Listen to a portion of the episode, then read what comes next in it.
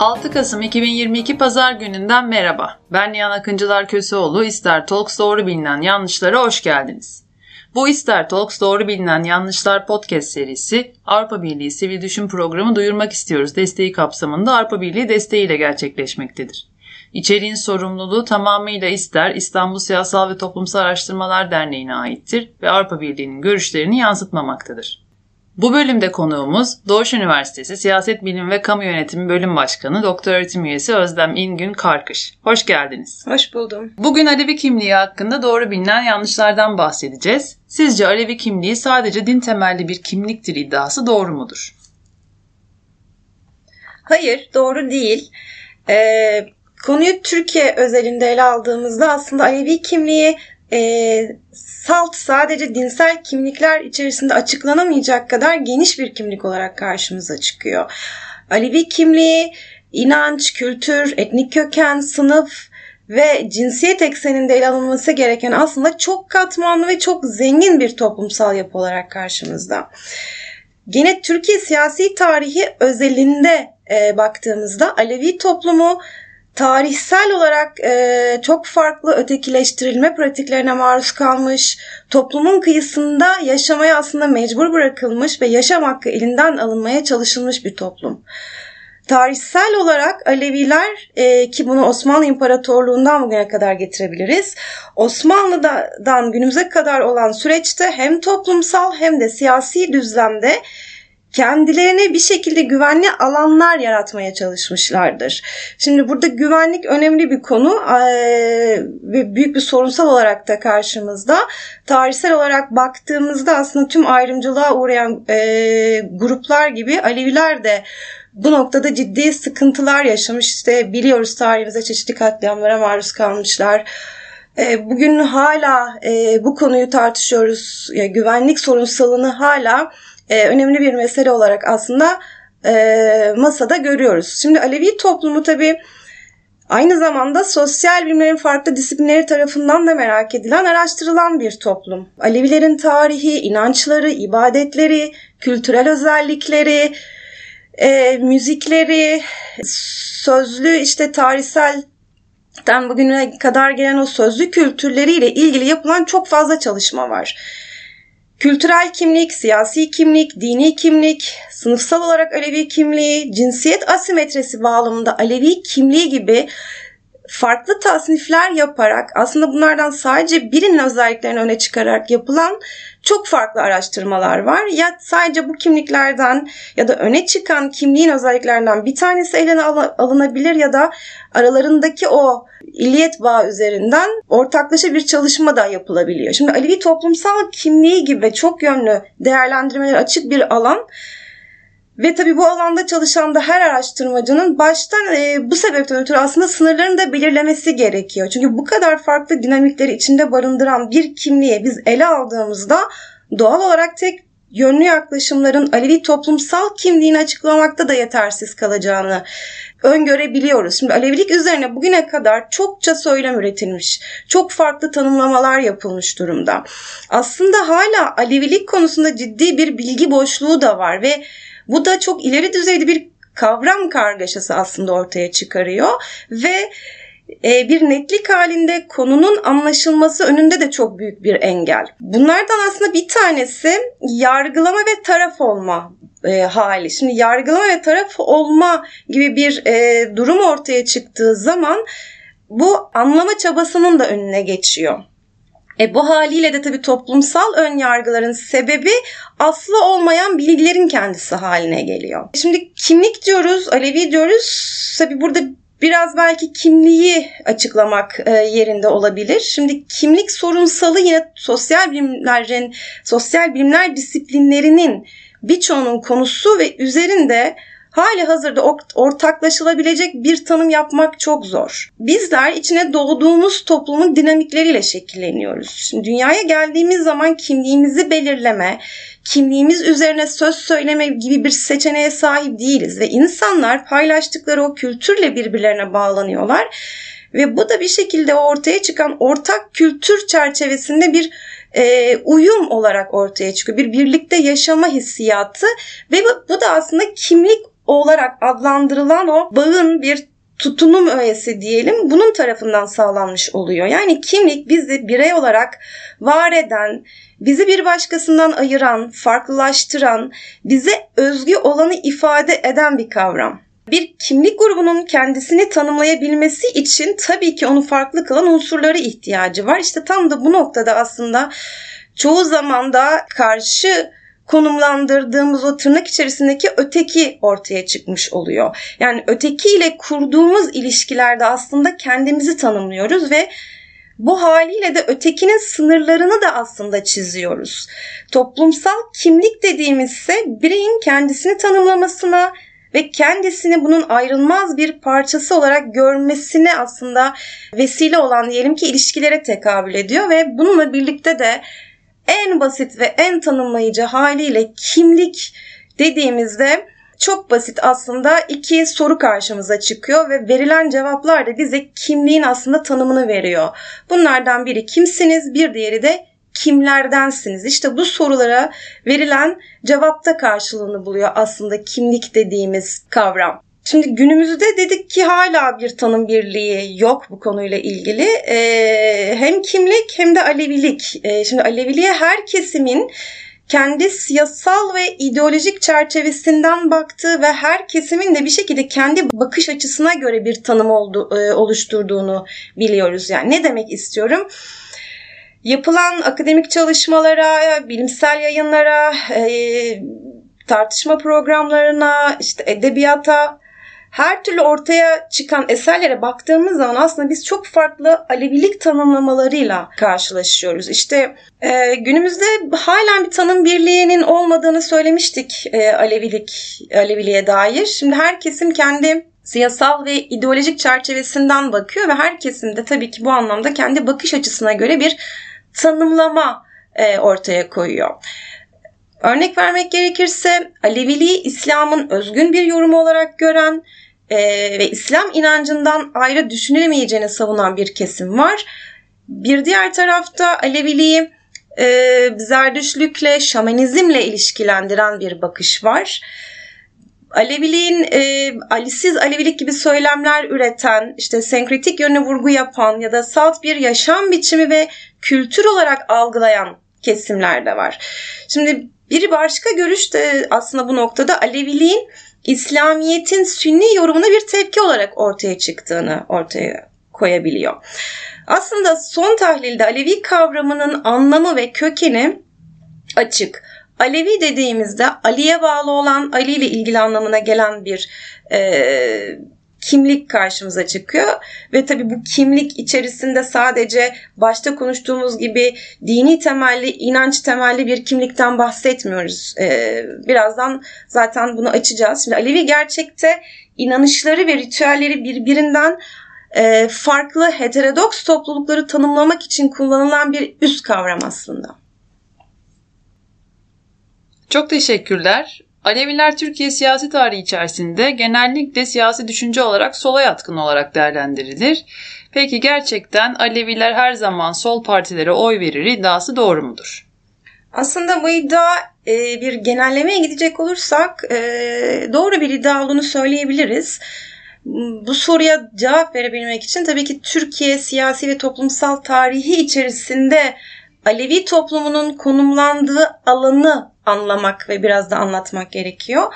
Alevi toplumu bugün e, Türkiye nüfusunun yaklaşık %20-25'ini oluşturuyor ki bu ciddi bir rakam ki nasıl ki Aleviliğin ne olduğu ile ilgili e, bir müpemlik varsa Türkiye'de yaşayan Alevi nüfusun sayısı e, konusunda bile hala üzerinde e, maalesef anlaşılamamış bir konu. Şimdi Sünni İslam karşısında ötekileştirilmiş Aleviler tarihsel olarak çatışma ve güvenlik kaygısı e, ve tehdidi içerisinde yaşamış ve hala da yaşamakta olan bir topluluk. Şimdi Osmanlı e, döneminde Alevi toplumu Sünni İslam karşısında ötekileştirilmiş ve güvensiz bir alanda tanımlanmıştı.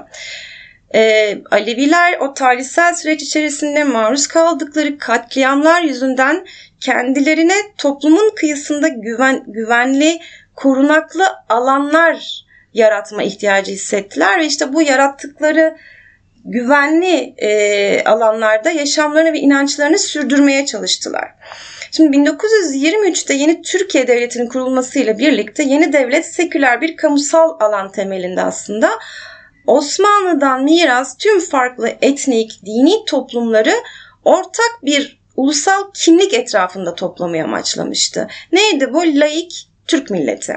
Şimdi burada bir eksik var ki o da daha sonra aslında tamamlanmış oldu. Şimdi Cumhuriyet'in kurulması ile birlikte Aleviler başlarda laik devlet içerisinde kendilerini daha güvende hissediyorlardı. Evet laiklik bir nevi Aleviler için çünkü bir güvenlik tamponu e, anlamında işlevseldi. Kırılma 1924'te aslında Diyanet İşleri Başkanlığı'nın kurulması ve işte o eksik parçanın yani Sünni İslam'ın kabul edilebilir vatandaşlık tanımına girmesiyle gerçekleşmiş oldu ve Aleviler için bu kimliklerine yönelik bir tehdit unsuru olarak algılandı o dönemde. Ee, bildiğimiz gibi özellikle işte 1938 Dersim katliamı Alevilerin Cumhuriyet rejimiyle kurduğu ya da kurmaya çalıştığı diyelim bağları zayıflattı ama yine de laiklik ilkesi Alevilerin varlıklarının bir garantisiydi ve bu haliyle de görülmeye devam etti. Ee, ve işte bu noktada Aleviler Alevi kimliklerini bastırarak kamusal alanda yer almaya çalıştılar. 60'larda yaşanan e, kentleşme ve göç süreciyle birlikte büyük kentlere göç eden Alevilerin kültürel ve dini yaşamlarında köklü değişiklikler meydana geldi. E, 60'lar önemli bu e, ideolojik belirlenimde aslında ama 50'lere bir bakalım önce. Şimdi 50'lere kadar sadece kırsal kesimde yaşayan siyasi, toplumsal ve ekonomik hayatın aslında kıyısında bir cemaat olan Aleviler 50'lerden başlayarak özellikle Demokrat Parti'ye e, destek oluyorlardı. Bununla beraber kamusal hayatta görünür olmaya da başlamışlardı. 1950'lerin ortalarından itibaren Demokrat Parti'den uzaklaşmaya başladı Aleviler. Ee, yükselen bir İslamcılık dalgası, siyasette dinin kullanılmaya başlanması ve aslında siyasetin de bu noktadan sonra sünnileşmesi dolayısıyla sol ideolojiye artık yaklaşmaya başladılar. 70'li yıllardaysa o kırsal kesimden kente göçle birlikte uzun yıllar kırsal kesimde varlığını sürdüren e, o cemaatin de dinsel hayatında köklü değişimler meydana geldi. Gene işte 80'li 90'lı yıllarda Aleviler bir taraftan Türkiye'de yükselen radikal İslamcılığa karşı bir panzehir ve laiklik anlayışının da sivil gücü olarak aslında konumlandı.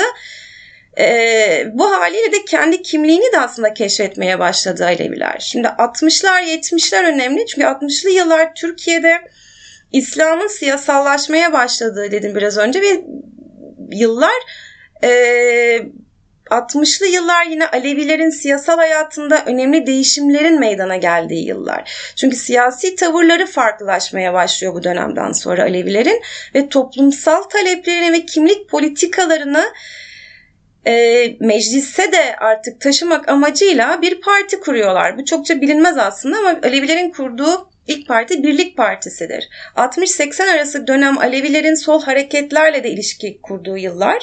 Şimdi burada kentleşme süreci çok önemli. Çünkü kentleşmeyle birlikte büyük kentlere bir göç e, hali ve bu da geleneksel Aleviliğin e, zayıflamasında çok büyük bir rol oynadı. Yani Aleviler çünkü tanımadıkları, alışkın olmadıkları toplumsal bir yapı içerisinde yaşadıkları o kimlik bunalımı ve güvensizlik duygusuyla e, sol hareketlerle bu sefer yakın ilişkiler kurmaya başladılar ve bir anlamda aslında Alevilerin geleneksel Alevilik içerisinde kurdukları e, ve tabii alışkın oldukları o bağlar ve ağların verdiği güven kentlerde sol hareketlerin sağladığı dayanışma mekanizmalarıyla bu sefer ikame edilmiş oldu. Ee, 70'li yıllar tabii 70'lilerin başında da milliyetçi ve İslami partilerin ortaya çıkışıyla beraber Aleviler sosyal demokratlarla bu sefer güçlü bağlar geliştirmeye başladılar. 70'li yıllarda e, aslında gençlerin aksine yaşlı kuşak Alevilerin sosyal demokratlarla bağları e, bugün baktığımızda da aslında devam ediyor. Fakat o 78-79 yıllarındaki işte e, Cumhuriyet Halk Partisi iktidarı döneminde değişik bölgelerde Alevileri hedef alan e, saldırılar e, olduğunu biliyoruz ve bunlardan sonra aslında bir Alevilerin önemli bir kısmıyla e, Cumhuriyet Halk Partisi arasında bir mesafe açılmış oldu. Ama bununla beraber yine de Alevi genç kuşağı yükselen sağın ve İslamcılığın karşısında marjinal sola doğru bu sefer evrilmeye başladılar. Tabi 70'li yıllar gene önemli kentleşme dedim, gece kondulaşma e, burada bir gece kondu direnişleri tabi 70'lerde önemli. Özellikle e, kurtarılmış bölge olarak e, nitelendiren o gece kondu mahalleleri, bu mahallelerin çoğunun nüfusunun Alevilerden oluşması tüm bunlar işte bu anlamda solla kurulan ilişkileri de çok güçlendiren e, etkenlerdi. Şimdi 80 ve 90 dönemleri ise hem dünyada hem Türkiye'de toplumsal işte ekonomik ve siyasal dönüşümlerin yaşandığı yıllar bildiğimiz gibi ve Alevilerin kamusal alanda seslerinin duyulmaya başladığı dönemde işte buraya tekabül ediyor. Yani 80'lerin sonu, 90'ların başı. 90'lar çünkü Alevi uyanışı diye adlandırılan bir dönem. Ee, işte gene e, 1990'da Alevi bildirgesi yayınlanıyor ve Aleviler kimliklerinin artık tanınmasını talep etmeye başlıyorlar bu noktada. Ee, 80'ler aslında tabii çok yüksek sesli olmasa da demokratikleşme ve özgürlük bağlamında Alevilerin sorunlarının konuşulmaya, tartışılmaya başlandığı yıllar yine. Ee, ana eksen ne peki tartışmanın bu süreçte? Alevilerin Diyanet'te temsili problemi. Şimdi 90'lı yıllara kadar Alevilerle ilgili ciddi herhangi bir çözüm üretilemediğini görüyoruz. 80'li yıllar aynı zamanda Alevilik için önemli bir farklılığa da işaret ediyor. Bu yıllardan itibaren artık Aleviler Cumhuriyet tarihinde ilk defa biraz önce dediğim gibi kamusal alana da görünmeye ve kimliklerine açıkça sahip çıkmaya başlıyorlar çünkü. Hatta e, süreç 90'ların başına itibaren biraz farklılaşmaya da başlıyor. Örneğin 91 yılında Aleviler 5 madde halinde topladıkları isteklerini e, dönemin başbakanı işte Süleyman Demirel ve e, yardımcısı Erdal İnönü'ye iletiyorlar. Mesela bu istekler e, re baktığımızda hala hazırda hala e, Alevi toplumunun aynı taleplerde bulunduğunu görebiliriz. Mesela örnek vermek gerekirse işte radyo televizyondan Alevilik tanıtımı yapılsın, işte Diyanet İşleri Başkanlığı'nda Alevilere etkin aktif görevler verilsin, okullardaki din derslerinde Alevilikte yer alsın gibi toplam 5 tane taleple gidiyorlar. Şimdi bu sürecin bir devamı olarak aslında hem Diyanet'te hem de TRT'de Alevilik görünür hale gelmeye başlıyor. Şimdi bu taleplerin bugün de aslında birçoğunun devam ettiğini ve hala haklarının teslim edilmediğini görüyoruz. Ee, bunun bir örneği işte 2000'li yıllarda Alevi açılımı dolayımıyla aslında yaşandı. O dönem işte AKP hükümeti işte Alevi dedelerine maaş bağlanması, cem evlerinin elektrik su parasını ödememesi ki bu son işte Covid döneminde de bildiğimiz gibi e, cemevlerinin gündeme taşıdığı konulardan da. Çünkü Diyanet'in işte camilerin ödenirken cemevlerinin e, biriken faturaları ee, özellikle medyada çokça yer almıştı. Yine din kültürü derslerinin işte müfredatının değiştirilmesi başlıklarını içeren Alevi açılımı e, AKP hükümeti döneminde gerçekleşti. Konuyla ilgili Alevi çalıştayları, Alevi nihai raporu yayınlandı. E, ama Alevilerin e, nasıl konumlandırılacağına dair tartışmalar bu anlamda aslında hala gündemdeki yerinde koruyor diyebilirim. Çok açıklayıcı oldu. Teşekkür ediyorum. Peki Alevi toplumunun talepleri, Alevilerin hak talepleri neleri içeriyor? Bu bağlamda Alevi açılımı sonucunda Alevi toplumunun hak talepleri karşılığını bulduğu iddiası doğru mu? E, hayır doğru değil. Ee, şöyle bir süreci belki e, anımsamakta fayda var. Alevi açılımı işte 2009 Haziran Haziran 2009 ve Ocak 2010 tarihleri arasında işte o dönemin devlet bakanı denetiminde, Faruk Çelik'in denetiminde diyelim, akademisyen Necdet Subaşı'nın da koordinatörlüğünde yürütülen 7 tane çalıştayla aslında somutlaştırılmış oldu. Şimdi açılım çerçevesinde tabii e, çok çeşitli atölye çalışmaları yapıldı. Bu kapsamda Aleviler e, çeşitli hak taleplerinde bulundular. İşte Diyanet İşleri Başkanlığı'nın kaldırılması, zorunlu din dersinin kaldırılması, cemevlerinin ibadet yeri olarak tanınması, e, işte biraz önce hatta verdiğimiz o elektrik su faturalarının e, ödenmemesi, talep edilmesi de zaten işte bir ibadet yeri olarak tanınmamasından mütevellit ortaya çıkan bir sorundu. E, çok önemli ta, hafızada yer etmiş Madımak katliamı ve bu doğrultuda o Madımak Oteli'nin utanç müzesi olması gibi taleplerde bulunmuştu o dönem Aleviler ama bu süreç 2012'de e, başarısızlıkla sonuçlandırılmış oldu. Şimdi bu dönemde Alevilerin güvenlik endişelerinin yeniden artışına da sahne oldu. E, hatırlayacaklarımız olacaktır. Alevilerin yaşadıkları evler işaretlendi o dönem. Ayrıştırıcı politik söylemler gibi aslında birçok e, provokasyona da e, yol açabilecek olaylar yaşandı. E, beşinci çalıştay mesela örneğini verebiliriz burada. Şimdi Alevilere medya üzerinden bakış temasıyla gerçekleştirilmişti beşinci çalıştay. Burada Alevi sorununun bugün ulaştığı noktada özellikle işte medyanın rolünün ki 91'deki o talepler içerisinde de e, sıralamıştım bunu.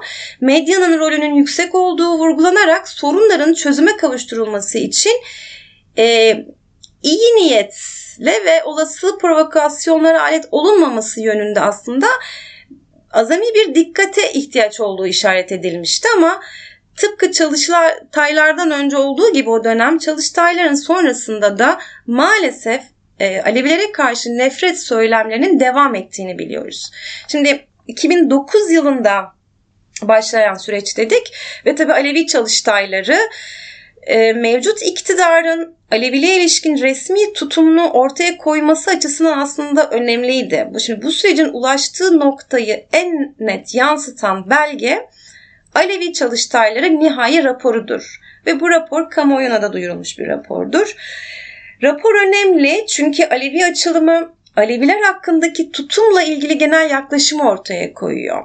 Ee, şimdi bu noktada çok önemsediğim ortaya koyduğu yetkin çalışmalarla alandaki çalışmalar önemsediğim Mehmet Ertan Hoca'nın analizleri burada önemli. Ee, ben de katılıyorum çoğuna. Şimdi Çalıştay sürecinde Alevi dernekleri, Çalıştay yürütücüleri arasında sorunlar e, ortaya çıktı. Bir kere bu sorunların en başında işte çalıştayların toplanma usulüydü.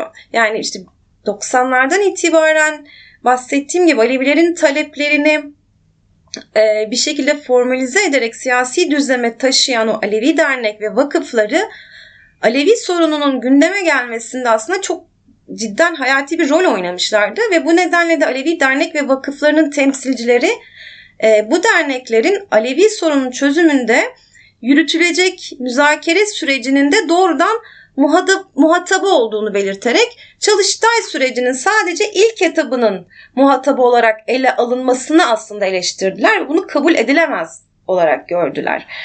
E, çünkü konunun muhatapları süreçten dışlanıyordu.